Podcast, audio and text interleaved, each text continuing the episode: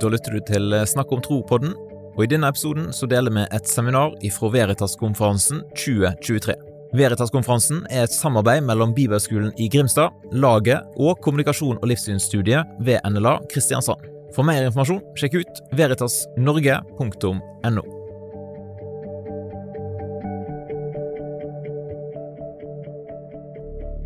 Jeg er altså Bjørn Are Davidsen, og jeg er utdannet eh, sivilingeniør. Jeg og det betyr at vi er vant til mikrofoner og sånt, og dermed snakker altfor lavt. I tillegg kan vi ikke noe om historie, så det jeg sier i dag, må dere bare ta med en god klype salt.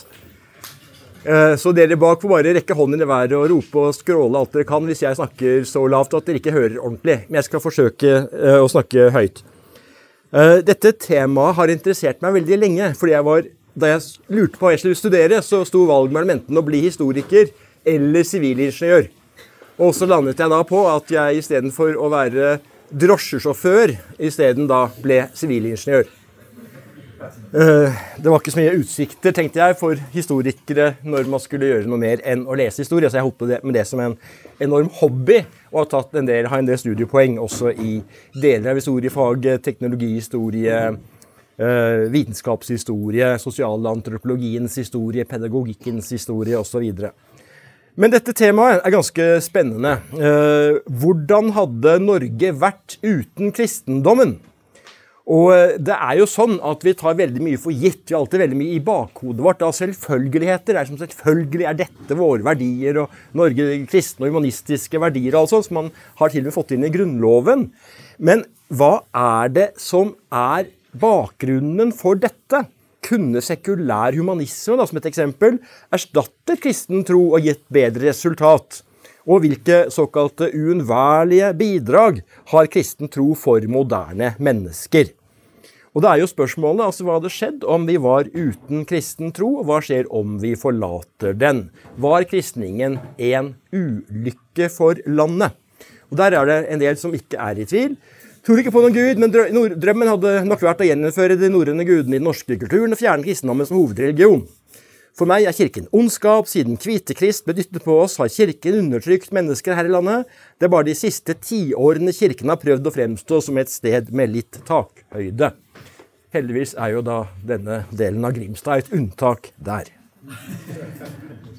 Noen av de som har vært veldig på banen i offentlig samtale om dette her, er jo som meg, har teknisk-vitenskapelig utdannelse, sånn som astronomen uh, Neil deGrasse Tyson, som har laget Han har gjenopplivet en gammel TV-serie av, um, av Carl Sagan, The Cosmos. Og da denne skulle bli lansert i Norge for noen år siden, så hadde han noen klare uttalelser i Nettavisen. Hadde det ikke vært for regionen, hadde vi vært 1000 år mer utviklet. Altså vi har tapt 1000 år takket være denne slemme, fæle, kunnskapsfiendtlige kirken. Har kristen tro formet Norge? Er det altså negativt? Stemmer det? De beste samfunn er de med minst religion. Stemmer det? Ja, la oss se på dette kartet her. Dette viser da vitenskapelig satt opp, basert på vurderinger av eh, to koordinater. Eh, det såkalt, altså hvor mye individualitet eh, har man kontra sånn kollektivistisk eh, samfunn hvor det tråkkes ned. Og mye har du av tradisjonære kontra uh, sekulære verdier. Og ser man på det, disse skalaene, da, som er sånn eh, undersøkelse i, i uh, brukes i mange sammenhenger, så er det de nordeuropeiske landene som kommer best ut. Sverige, Finland, Norge, Nederland, Danmark, Island, til dels Sveits. Mens da land her nede som scorer dårligst på denne skalaen, er type Jordan, Marokko, afrikanske land, da, som det står her. Betyr det, når vi ser på at det samtidig er de landene med altså mest sekularitet, flest ateister, statskirker er opphevet osv., som faktisk derfor scorer høyest på denne skalaen. Er det sånn at disse landene er blitt så bra som de er, fordi at de nettopp har forlatt det religiøse? Det interessante her er at man tar med det jeg hadde visket ut. så ser man at nå står det Protestant Europe øverst til høyre. Og så står det Catholic Europe på det som er nesten like bra. Og så er det en eller annen merkelig kategori som er English speaking. Uh, det er stort sett en blanding eller mest av det protestantiske. Uh, og det som er greia er at Skal man forstå et samfunn, kan man jo ikke bare se på liksom, hvordan er det i 2023 eller 2021 ved denne uh, undersøkelsen ble gjort, men du må se på linjene bak. Jeg pleier her å vise et bilde av Petter Northug som vinner femmila i Falun i 2015. Med mange lengder. Med tre-fire skilengder. Husker nå dere det løpet? Var løpet sånn at yes, Petter Northug lå i spiss og dro i fem mil. Fire lengder foran de andre. Nei, han gjorde jo ikke det. Han vant fordi han løp lurest og lot de andre trekke. Så det sier ingenting om det løpet at Northug vant med så mye. Eller sier noe om Northug, selvfølgelig. Men det er litt sånn her at noen vinner, eller ser ut til å vinne fordi de er sekulære f.eks., skyldes jo ikke at det var de som har dratt hele veien. Noen har blitt med på løpet, og så har de spurtet litt fra på slutten, for å bruke dette bildet. Og dermed har vi en stor fortelling. Det har vært mye om fortellinger på Veritas så langt i år.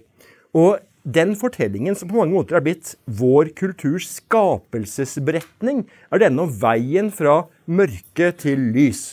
I middelalderen var kirkesmakt stor, følgelig var kunnskapen liten og moralen elendig. Så fikk man noen sånne aha-opplevelser med kraftigere og kraftigere lamper. Og det endte da med at eh, kirkes makt forsvant, og følgelig ble kunnskapen og friheten og moralen lys og god. Kjenner dere igjen denne fortellingen? Det er den fortellingen som ligger i bakhodet hos de fleste, og som de har med seg når de møter kristne. Og når kristne kommer da med innspill og forslag til verdier som bryter med det som man mener som er riktig og bra i 2023, som er selve liksom normen for hva som er best, det er at vi lever i det året, eh, så er tankene vilkårlige. De vil ta oss tilbake til middelalderen. Vet du hva jeg pleier å svare på det? Ja, det hadde vært flott. Hvorfor det?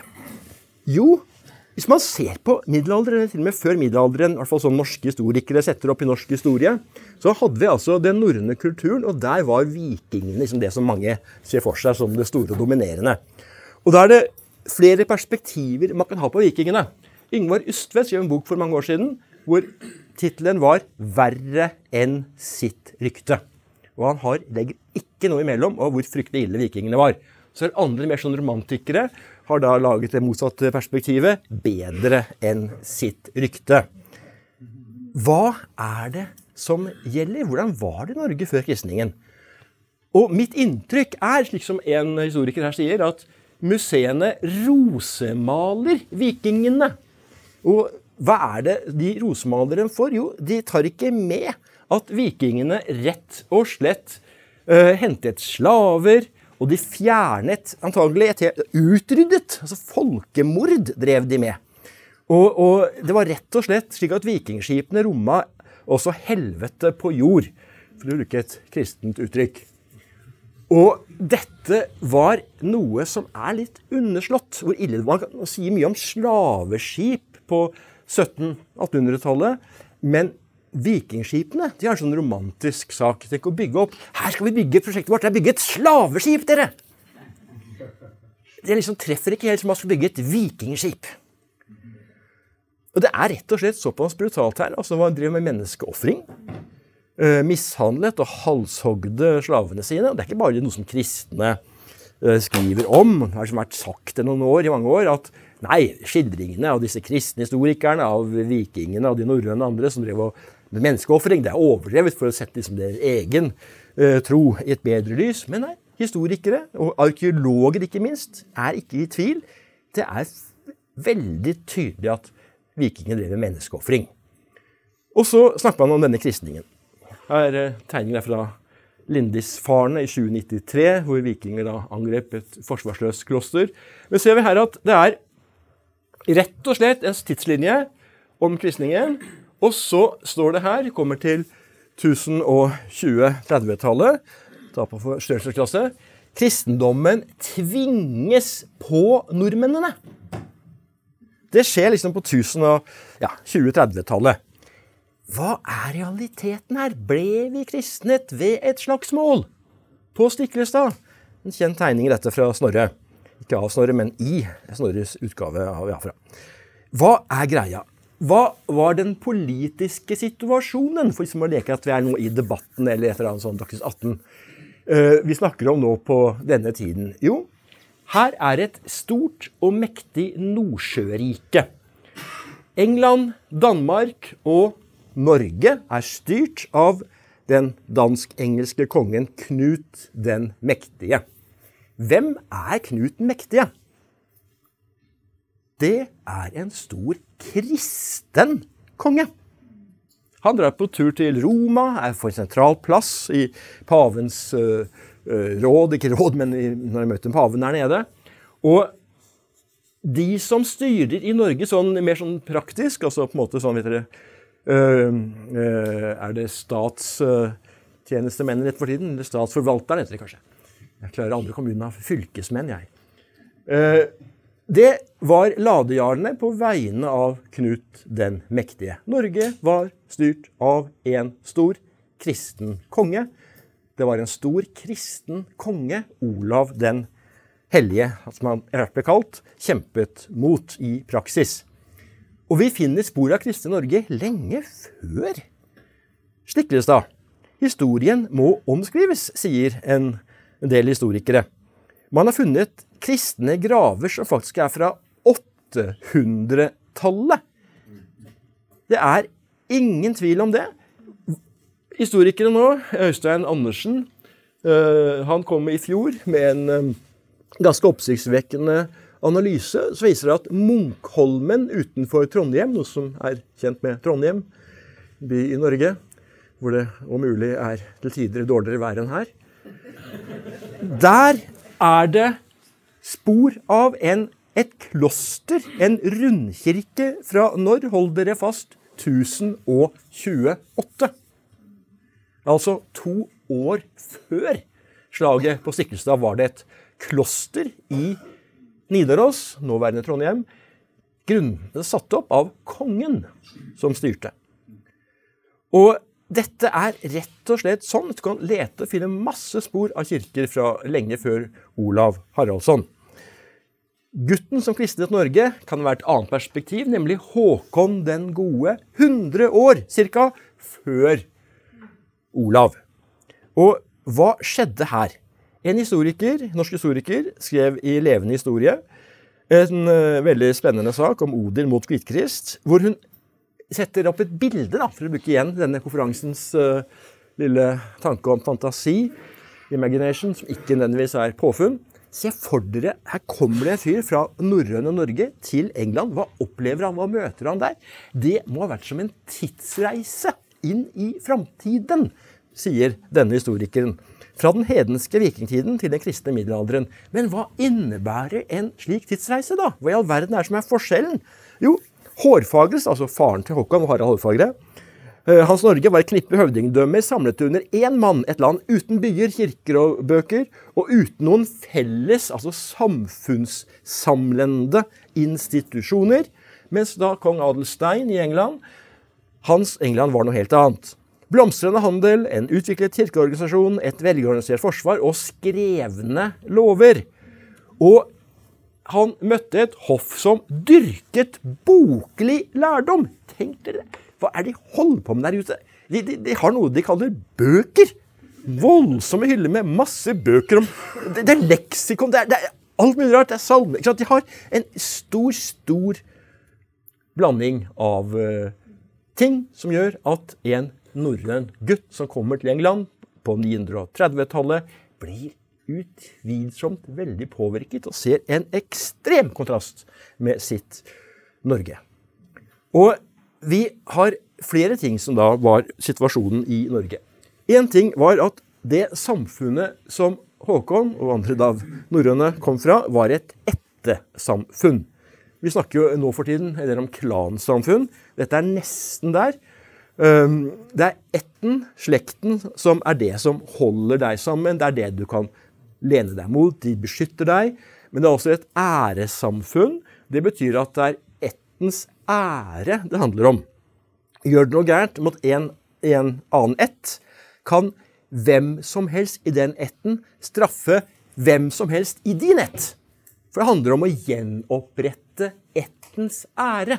Du som enkeltperson har ikke spesielt stor betydning. Det er etten det handler om. Og så gikk vi gjennom en revolusjon i løpet av vikingtiden mot middelalderen i Norge da, og resten av Europa.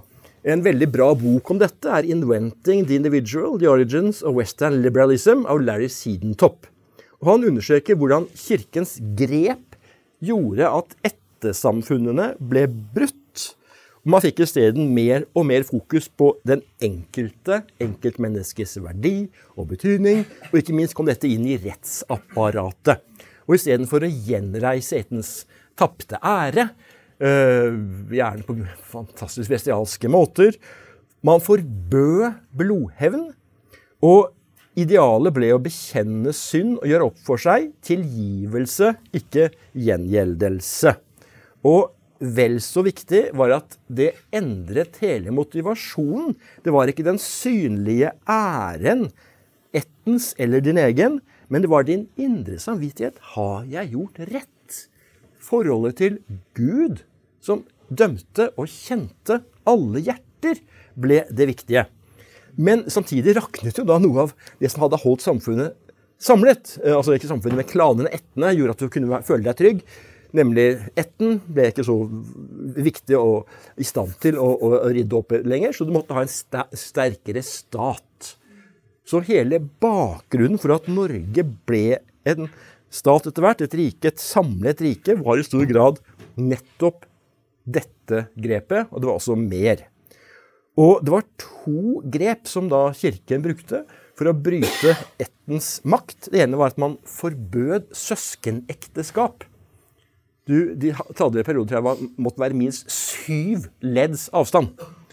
Det ble jenket noe i Norge, for det var så lett å finne noen i bygda som hadde sju Så det ble endte med med for, så tremenninger ble vel etter hvert lov i Norge. Eh, og det andre var, og det er litt uklart om dette er noe som direkte kun gjaldt med kristningen, men i hvert fall veldig tydelig at kirken forlangte at både brud og brudgom skulle si ja. Så sånn arrangert ekteskap det var imot kirkens ønske.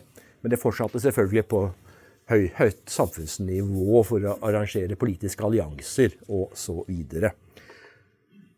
Og dette har da fått en uh, psykolog som heter Henrik til å skrive en veldig spennende bok. The Weirdest People in the World.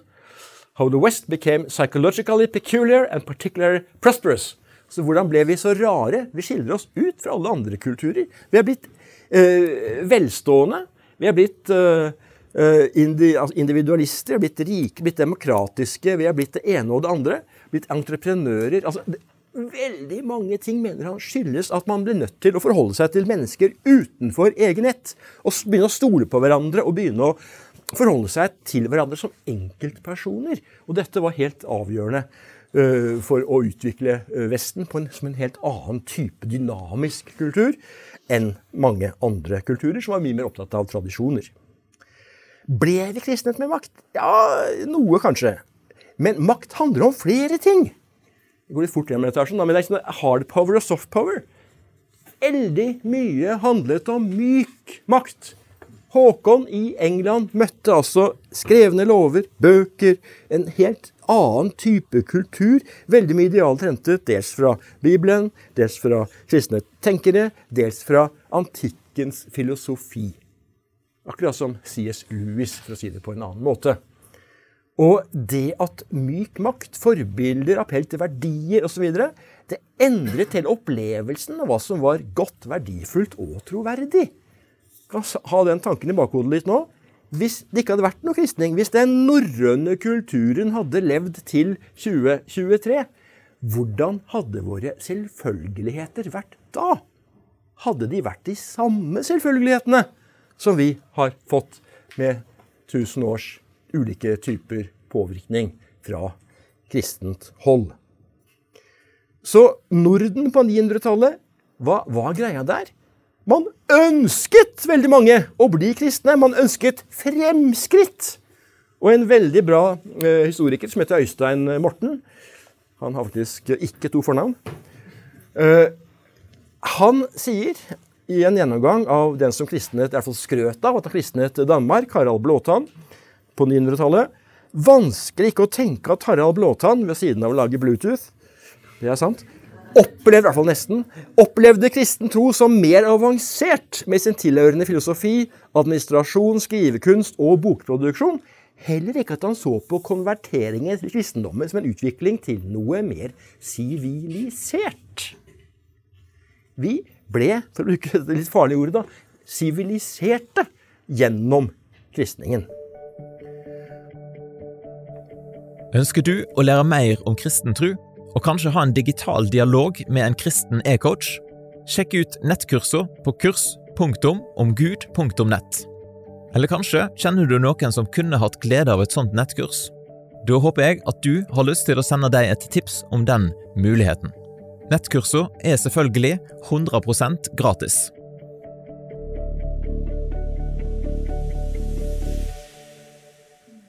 Kjenner noen denne runesteinen?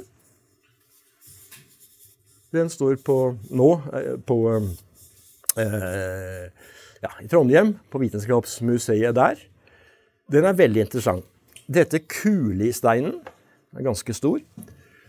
Eh, den, den har vært tolket, den teksten altså på baksiden her, eh, til at tolv vintre hadde kristendommen vært i Norge.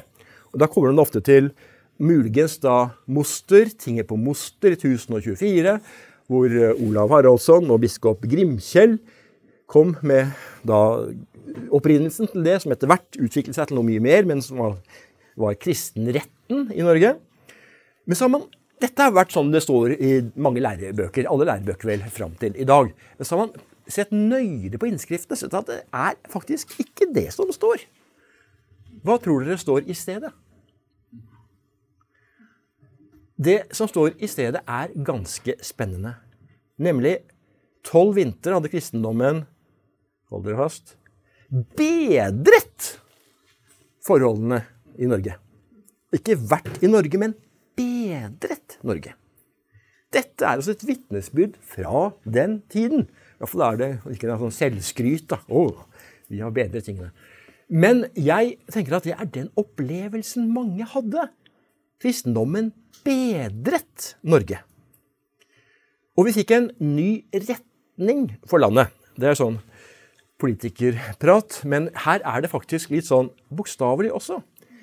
Det første i vår lov er det som er, vi finner i formuleringen på det vi i ettertid kan sånn dokumentere som kristenretten, er at vi skal bøye oss mot øst og be til Den hellige Krist om godt år og fred, at vi må få holde landet vårt bygd og kongen vår ved god helse. Han er vår venn og vi hans, men Gud venn til oss alle. Tenk dere den utrolige sensasjonen. Gud er vår venn. Gud er ikke en urokråke av en gud med mer eller mindre dårlig fordøyelse som du må blidgjøre med grøt og hestekjøtt. Det er rett og slett en som er vår venn, utgangspunktet, som har tilgitt oss for Jesus skyld. Bare vi bekjenner vår synd. En helt annen måte å tenke på, også om det åndelige. Og sånt setter spor. Og som vi har vært inne på, altså vi, Kulturen vår endrer seg fra runesteinen. Det er ikke noe gærent med det, men det er så begrenset. Det er ikke mye man får liksom med på en runestein. Til leksika. Vi vet at i norske klostre i middelalderen ble type sånn Isodor av Sevillas eh, leksika lest. Og masse andre leksikon. Og akademiske verker skrevet i samtiden og før. Universitetene vokste fram. På 800-tallet Den TV-serien Vikings Ingen, Jo, én oppegående. Den opp to oppegående. Eh, eller dere som er så hardhudede at dere ikke lar dere skremme av litt blod og litt ja. Eh, men der er noe av plottet i de første sesongene at de skal erobre Paris.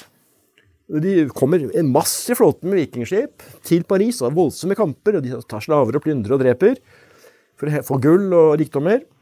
Slaver er riktig rikdom, for da kan man selge på slavemarkedene. Eh, hva skjer bare 300 år senere? Jo, da reiser nordmenn igjen til Paris. Men nå er det for å erobre kunnskap. De reiser til universitetet i Paris. Og før det på kloster- katedralskolene i Paris. Tenk dere den endringen, da.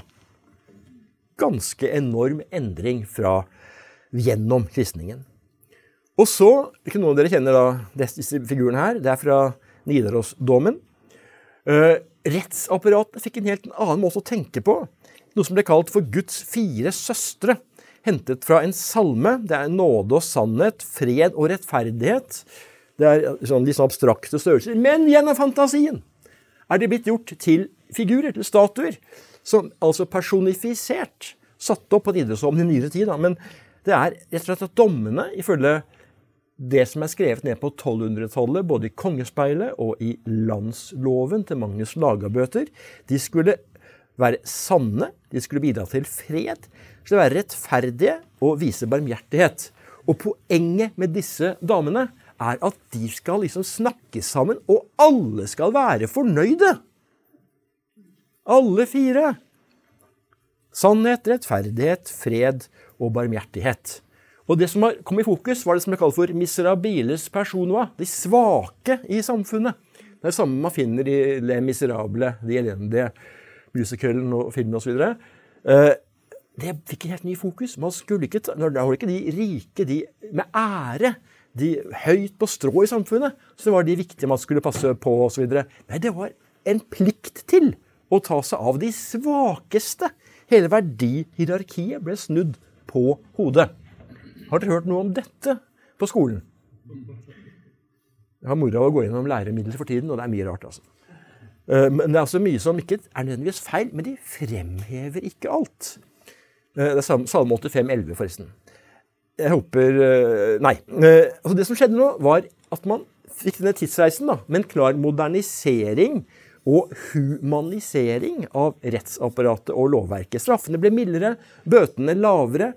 Det ble forbudt å hevne seg, man tok individuelle hensyn. Var du fattig, ble du dømt mindre for å stjele et brød enn om du var rik. Forbryteren, personen, ble ansvarlig, ikke familien din, ikke ætten. Og det kom inn plikt til omsorg for de fattige. Det var sånn at Kommer en banke på døren på gården som ber om mat, så skal du sende han i arbeid og gi ham mat. Kan han ikke arbeide, så skal du ta deg godt av han, gi ham mat. Vil han ikke arbeide, skal du gi han eh, bank og sende han ut og gi ham mat. Så tidligere var det kun plikt til å beskytte og ta vare på sine egne, men nå skulle man pliktet man å ta vare på alle som trengte hjelp, uansett hvor de kom fra. Og nå omsorgen altså for de elendige, miserable, gjennomstyret loven landsloven fra 1274 av Magnus Lagabøte, som altså reparerte loven i ånden fra Olav den hellige. Og der er det blitt sagt av historikere at geistlige og verdslige interesser og incitamenter føyd sammen i en, god, nei, en grad og med en kraft man ikke hadde opplevd maken til før. Man koblet det åndelige og verdslige. På bra måter. Og dette er, er rett og slett eh, starten på det norske Eh, velferdssamfunnet som heter Schjøtz i Tidsskrift for omsorgsforskning i 2019, som skrev dette analysen. Men hva er det vi hører, da? Hva er det vi hører? Jo, kristendommen ble heldigvis temmet av opplysningstiden. Hva svarer dere når dere hører den påstanden? Som det ut fra latteren virker som opptil flere har hørt. Jeg svarer f.eks. at opplysningstiden lar seg knapt forestille uten middelalderens tenkere som oppfattet fornuften som avgjørende viktig. Det er ikke bare en sånn sær sivilingeniør som sier dette for å være kontrær. Jeg elsker å være kontrær, men forsøker også å basere meg litt på, ikke bare litt, men mye på ting som det er mulig å ha dekning for. Det er God and Reason in the Middle Ages av den kjente, store historikeren Edward Grant. Som analyserer, går gjennom forholdet mellom gudstro og rasjonalitet. Tro, altså Hvordan i verden begynte man med all denne logikken? Uh, og Hvordan fikk den så dominerende plass i Vestens kultur? Og det er rett og slett gjennom Kirken, gjennom universitetene, støttet av Kirken. Det etablerte dette som en stor selvfølgelighet i kulturen. Selv om selvfølgelig var jo mye annet. Bjørnetemming og tivolier og teatret var jo mer folkeforlystelse. Men dette her ble en veldig, veldig dyp og tung uh, selvfølgelighet. Men så er det da noen som ikke er helt med på dette. En faktisk veldig god bok, sånn i hvert fall 92,3% er det kuleste fra vikingtiden, tegnet og skrevet av Martin Aas, som altså har vært ansvarlig for eh, det grafiske ved NRK Super. Og hva trekker han da fram uh, i en bok om det kuleste fra vikingtiden, tror dere? Jo, kvinnene fikk det dårligere med kristendommen. Hva i all verden har i så fall det med vikingtiden å gjøre? Og hvorfor sier han ikke noe om hvordan vikingene så på kvinner? Han legger veldig vekt på mine poenger med at unge krigere reiste ut i Europa for å få ære osv. Og, så og dermed så for de fram på brutale måter i kampen etter ære. Men han sier altså at kvinner fikk det dårligere med kristendommen. Og da lurer jeg alltid på hvordan vet du det? Hva skjedde egentlig? Hvilke kvinner fikk det verre? Her er eh, sier alle kvinnene som har vært i middelalderen. Øverst dronninger. Eh, så kommer en adel. Så kommer den kjente gruppen folk flest. Og så er det treller, som var nesten like mange som folk flest. 20, kanskje 30% Hvem av disse tror dere fikk det verre? Kanskje dronninger. Men altså Det å få det litt verre som dronning, ikke sant? Hva, hva er det egentlig? Noen kanskje i adelen. Kanskje.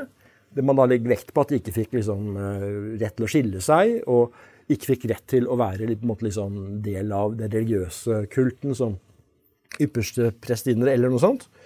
Folk flest, alle fikk det bedre. Alle fikk det bedre. Altså, man avskaffet slavesamfunnet. Man løftet opp de elendige. Man fikk en helt annen måte å tenke i rettsapparatet. Og i praksis dreier det seg om at kanskje det fikk 2 verre. Bare finner jeg på tallet her, selvfølgelig. Men, og 98% dårligere. Normal historieforskning handler om å se tingene fra folk flests perspektiv. Men plutselig, når man skal snakke om kristningen, så er det altså dette med hva var det som ble verre? Og da ble det kanskje verre for noen få kvinner på toppen. Man tar plutselig elitens parti. Hvorfor gjør man det? Man bryter liksom med alt annet. Så glemmer man 98 i anførselstegn. Og dette har, sier her nå, det er ikke bare jeg, noe jeg finner på, men det er basert på altså, forskning. Uh, kjenner dere denne? Ikke mange av dere som går i Oslo og ser i bakken mens dere går. Det kan være lurt. Jeg har selv falt og ødelagt armen så jeg ikke så i bakken. Jeg så ikke på mobil engang. Uh, dette er kumlokk, Oslo kommunes symbol rett og slett uh, han som er altså Sankt Halvard. Vet dere hvem Sankt Halvard var? Han var en person som uh, Det kom fra Viken, og så så han en kvinne, antagelig en slave, trell, som ble forfulgt av to menn. Han hjelper henne opp i båten sin for å redde henne unna. Så skyter de på denne båten da, med sine pil og sine buer, og dreper begge. Og eh, så senker de han da i sjøen med en sånn kvernstein om halsen. Noen uker senere flyter liket opp, og, og, eh, man ser på dette og skjønner hva som har skjedd, og han blir helgen. Hva har skjedd med verdiene? Istedenfor å ta de sterkes parti mot de svake, mot trellene, så ble han som hadde beskyttet denne kvinnen, gjort til helgen. Og det ble hovedkirken i Oslo. Sankt Halvards katedral. Vi har fortsatt omriss av den i Ruinparken i Oslo. Noe som har vært der. Da jeg var uh, i tenårene, sånn videregående uh, ungdomsskole, så hadde jeg en ukentlig tur til Oslo. Jeg tok trikken ned til St. Halvards plass. Gjett hvorfor den heter det. Så gikk jeg gjennom Ruinparken, gjennom katedralen, opp til Galgeberg, ned til uh, Grønland, bort til Skaus plass. fordi på hver av de stedene var det brukt bokforretninger. Pocketboka. Så jeg samlet på Morgan Kane og sånne grufulle historier som enkelte her i salen liker. Og der gikk jeg til slutt forbi Skaus plass på Grünerløkka, oppover, opp Telthusbakken, forbi Gamle Aker kirke, og så ned til Bislett. Og det gikk jeg hver eneste lørdag. Mange år senere, jeg var blitt kristen og alt, så hadde jeg en aha-opplevelse, for jeg begynte å se litt på hva som foregikk i Norge i middelalderen. Jo, den Ruten jeg hadde gått, var eksakt pilegrimsruten gjennom Oslo. Fra St. Halvors kirke oppover mot forbi Grønland, Skaus plass, Bislett, iallfall gamle Aker kirke. Så det er morsomt. Men verdiene ble snudd opp ned. Og historikere understreker at allerede på 1100-tallet hadde nordiske kvinner flere rettigheter enn kvinner lenger sør. Det skjedde altså ganske mye som er spennende. Jeg har ikke tid til å gå inn på alt her, men, men det er mye, mye spennende. Og kvinner ble også mer synlige i det offentlige rom. Og det var kvinner, ikke menn, som først aksepterte kristendommen, uttaler lederen for Avaldsnes-prosjektet. Eh, og man var tiltrukket av forbudet mot å sette ut barn. For i alle kulturer og til alle tider, sier Marit Synnøve Vea, har det viktigste for kvinnene vært å beskytte sine barn. Og da kan det være at man ble tiltrukket på en helt spesiell måte av kristendommen. Øh, og så kan man ta at mange. Det, ja, jeg har ikke å si så mye om dette her. Men altså Det som man da ofte hører tilbake, er ja, men hva med kvinnelig stemmerett? Håper jeg fort i historien. Jeg vet ikke om noen her tok eksamen i norsk i 2013. Dere er enten for gamle eller for unge. Øh, men et av oppgavene var da øh, En av oppgavene var om kvinnelig stemmerett. Det var da 100 år siden vi fått det i Norge. Eh, det var en debatt, blir det fremstilt da, fra 1890. Temperaturen er høy og frontene harde. Venstremannen de gule mann ypper til sid med kirkens menn og forsvar på tiltale. Biskop J.C. Hauk, en av de mest innbitte motstanderne av stemmerett for kvinner. Hvilket inntrykk får vi av dette? Hva var frontene? Jo, det var den radikale, opplyste politiker, venstremannen Ullmann, mot denne mørkemannen, hang igjen i middelalderen, Eh, eh, Høk, biskop Høk. Kjenner dere noe til Ullmann? Dette kom jo ikke fram av eksamensoppgaven. Hvem var Viggo Ullmann? Jo, han var leder av partiet Venstre. Han var stortingspresident. Og han grunnla den frisinnede folkehøgskolen i Seljord, som var en kristen folkehøyskole, tross navnet. Han var formann i, eh, i forlag og, og redaktør for tidsskrifter. Og han hjalp Kvinnestemmerettsforeningen, som var ledet av søster Ragna Nilsen, med forslag til grunnlovsendring rundt stemmerett av det sentrale Norges Fredslag og vara i Den norske Nobelkomité. Det kan man se veldig enkelt. da. Men hva mer? Han var en apologet! Det kan jo være av interesse for enkelte i dette rommet. Så han skrev altså en, et svar på Bjørnsons uh, kristendomskritikk om våre evangeliers ekthet. Og han skrev en veldig omfattende verdenshistorie. Og han åpnet historien som følger. Verdenshistorien er skildringen av hvorledes menneskene under Guds styrelse har hevet seg stadig høyere og høyere, åndelig, moralsk og materielt. Historiens midtpunkt er Jesus Kristus. Menneskeslekten oppdras til ham, og han setter for den de store formål for menneske- og samfunnsliv, som det er menneskenes oppgave her på jorden å komme stadig nærmere. Alle disse formål samler han i det ene. Vær fullkommen slik deres far i himmelen er fullkommen. Altså en kristen mørkemann, han også. Og kristne var først ute. altså Veldig mange av disse kristne organisasjonene fikk stemmerett lenge før 1913. De var pionerer bare for å legge til en ting at I, ja. i 1904 ja. så var Hauk en av de som stemte for at Misjonsselskapet skulle få stemmerett. Ja, nettopp. Så selv Hauk eller Høk Jeg vet ikke hvordan det uttales. Jeg kjente han aldri, møtte han aldri. Uh, så, så uh, Dermed er det spennende å se at Minerva fikk da en tidligere leder av Fremskrittspartiets Ungdom, Ove Wandbo, som er eh, jurist, til å skrive en fantastisk artikkel om kristendommens undervurderte rolle i liberalismes utvikling, med referanse til bl.a. Sidentopp, som jeg nevnte i stad, og Henrik. Og dette inspirerte jo enkelte andre til å skrive da en tilsvarende om kristendommens undervurderte rolle i vitenskapens utvikling. Hvor jeg takket Ove og, og fulgte på med mer om dette. Uh, og den som da innførte vitenskapen i Norge, det er biskop Gunerius i Trondheim. kom med et brev i 1758, et hyrdebrev til sine prester, hvor han krevde av dem at de skulle drive med vitenskap.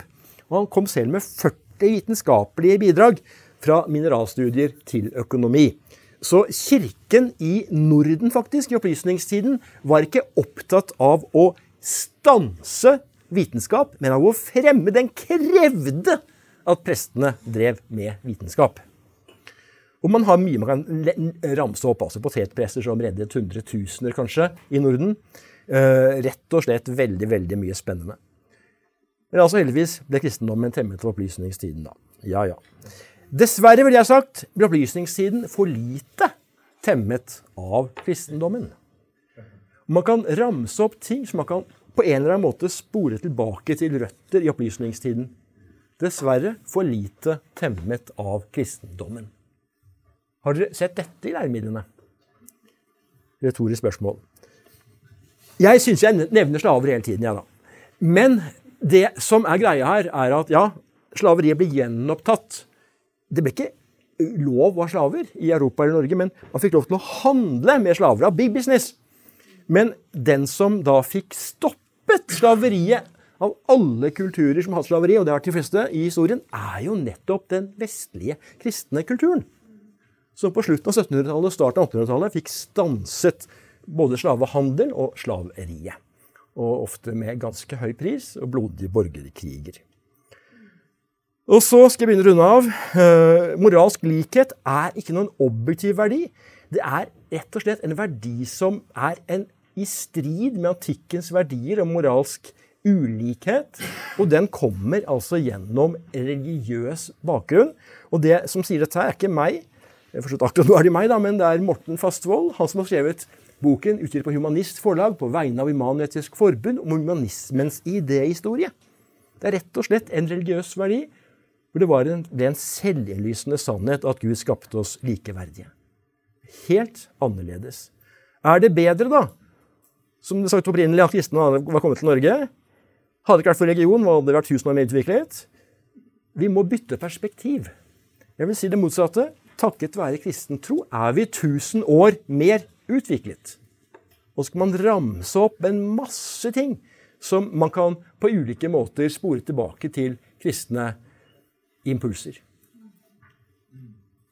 Så her er det rett og slett et helt annet bilde, en helt annen fortelling vi må gi enn den vi er vant til å høre. Den som mer eller mindre direkte eller indirekte fremmes i populærvitenskap, i læremidler, i media og mange steder den uvilkårlige fortellingen av veien fra mørke til lys, den er helt feil. Så da kan man begynne virkelig å spørre ok, uten kristen tro så er det, er det da mulig å begrunne rent sekulært og bærekraftig en trivselskultur, menneskeverd, naturvitenskap osv. osv. Mitt svar på det er, min påstand i hvert fall, er nei. Det betyr ikke at kristendommen må være sann, men den er verdt å se nærmere på, gitt. Takk for meg.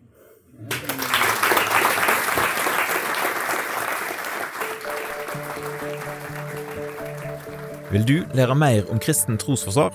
Ta turen på neste Veritas-konferanse, eller sjekk ut ressursene på snakkomtro.no. Du kan òg studere kommunikasjon, livssyn og kristen apologetikk på NLA Høgskolen. Sjekk ut nla.no kl. Setter du pris på at vi deler sånne ressurser via Snakk om tro-podkasten? På damaris.no finner du informasjon om hvordan du kan støtte arbeidet vårt økonomisk.